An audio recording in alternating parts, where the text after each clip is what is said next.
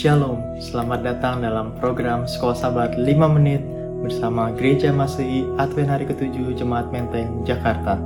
Program ini hadir untuk memastikan bahwa jantung kerohanian Bapak, Ibu, Saudara, Saudari tetap selalu berdetak. Pada seri pertama pembahasan Sekolah Sabat 5 Menit, pada pelajaran ke-9 ini telah disinggung dan dibahas mengapa korban itu dibutuhkan dan apa saja jenis-jenis korban yang dipersembahkan oleh orang Israel. Kita juga belajar tentang mengapa hanya korban Yesus yang dapat menyempurnakan untuk korban yang telah dilakukan. Dan pada seri yang kedua ini, di pekan ini, kita akan melihat fakta-fakta penting yang membuat kita pada akhirnya sadar dan mengerti bahwa kematian karena dosa seharusnya kita alami. Namun, Yesus mengambil tempat itu karena Dia mengasihi kita. Ilustrasi berikut ini seharusnya dapat menolong kita. Ketika seseorang meminta pengampunan, dia membawa hewan sebagai korban untuknya, mengakui dosa-dosanya, lalu menyembelihnya. Darah hewan itu dioleskan di atas tanduk mesbah atau dipercikan di depan tabir bait suci di bilik pertama. Dengan demikian, dosa secara simbolis dipindahkan ke tempat yang kudus.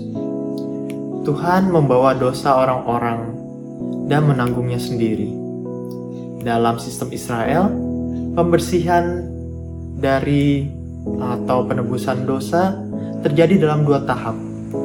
Pertama, selama tahun itu, orang-orang berdosa yang bertobat membawa korban ke tempat yang kudus yang membersihkan mereka dari dosa mereka, tetapi memindahkan dosa itu ke tempat yang kudus, kepada Tuhan sendiri.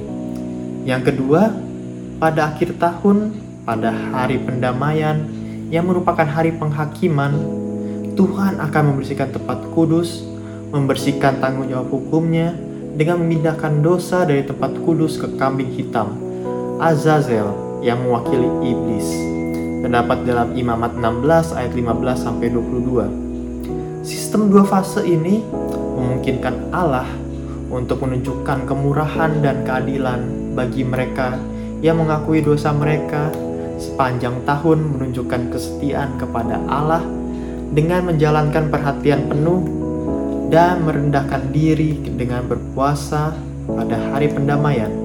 Imamat 16 ayat 29 sampai 31. Sementara mereka yang tidak menunjukkan kesetiaan akan dilenyapkan. Imamat 23 ayat 27 sampai 32. Pengampunan dosa kita menyeratkan dua fase dalam perantaraan Yesus di dua bilik bait suci surgawi.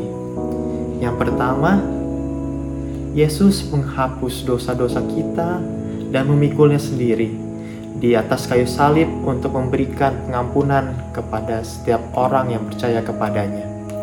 Terdapat dalam kisah 2 ayat 38 dan juga kisah 5 ayat yang ke-31. Fase kedua dalam pelayanan Yesus terdiri dari penghakiman, penghakiman per-advent atau sebelum kedatangannya, dan tujuannya adalah untuk menunjukkan kebenaran Allah dalam mengampuni umat dalam penghakiman ini, catatan kehidupan mereka akan terbuka untuk dilihat oleh alam semesta.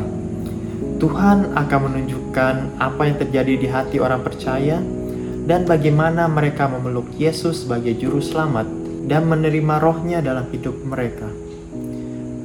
Jadi, salib dan pelayanan Yesus menyarankan bahwa kita harus memandang dengan percaya diri tapi di sisi lain dengan kerendahan hati dan pertobatan kepada penghakiman yang Allah sedang lakukan.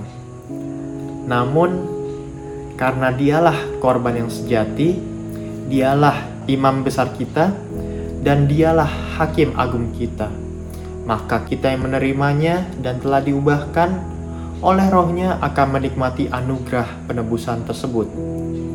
Itu hanya dapat terjadi ketika kita menyadari kondisi berdosa kita dan kita terus mengandalkan Kristus sebagai kebenaran kita yang menguduskan kita dan menebus kita.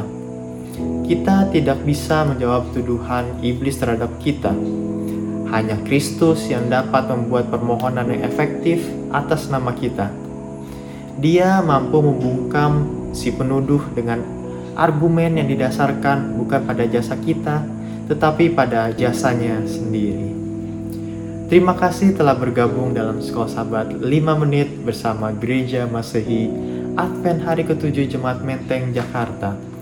Jangan lupa untuk selalu membaca buku Sekolah Sabat supaya iman kerohanian kita dapat selalu terjaga. Sekolah Sabat yang bersahabat, bersemangat, semua terlibat, jangan terlambat. Tuhan Yesus memberkati.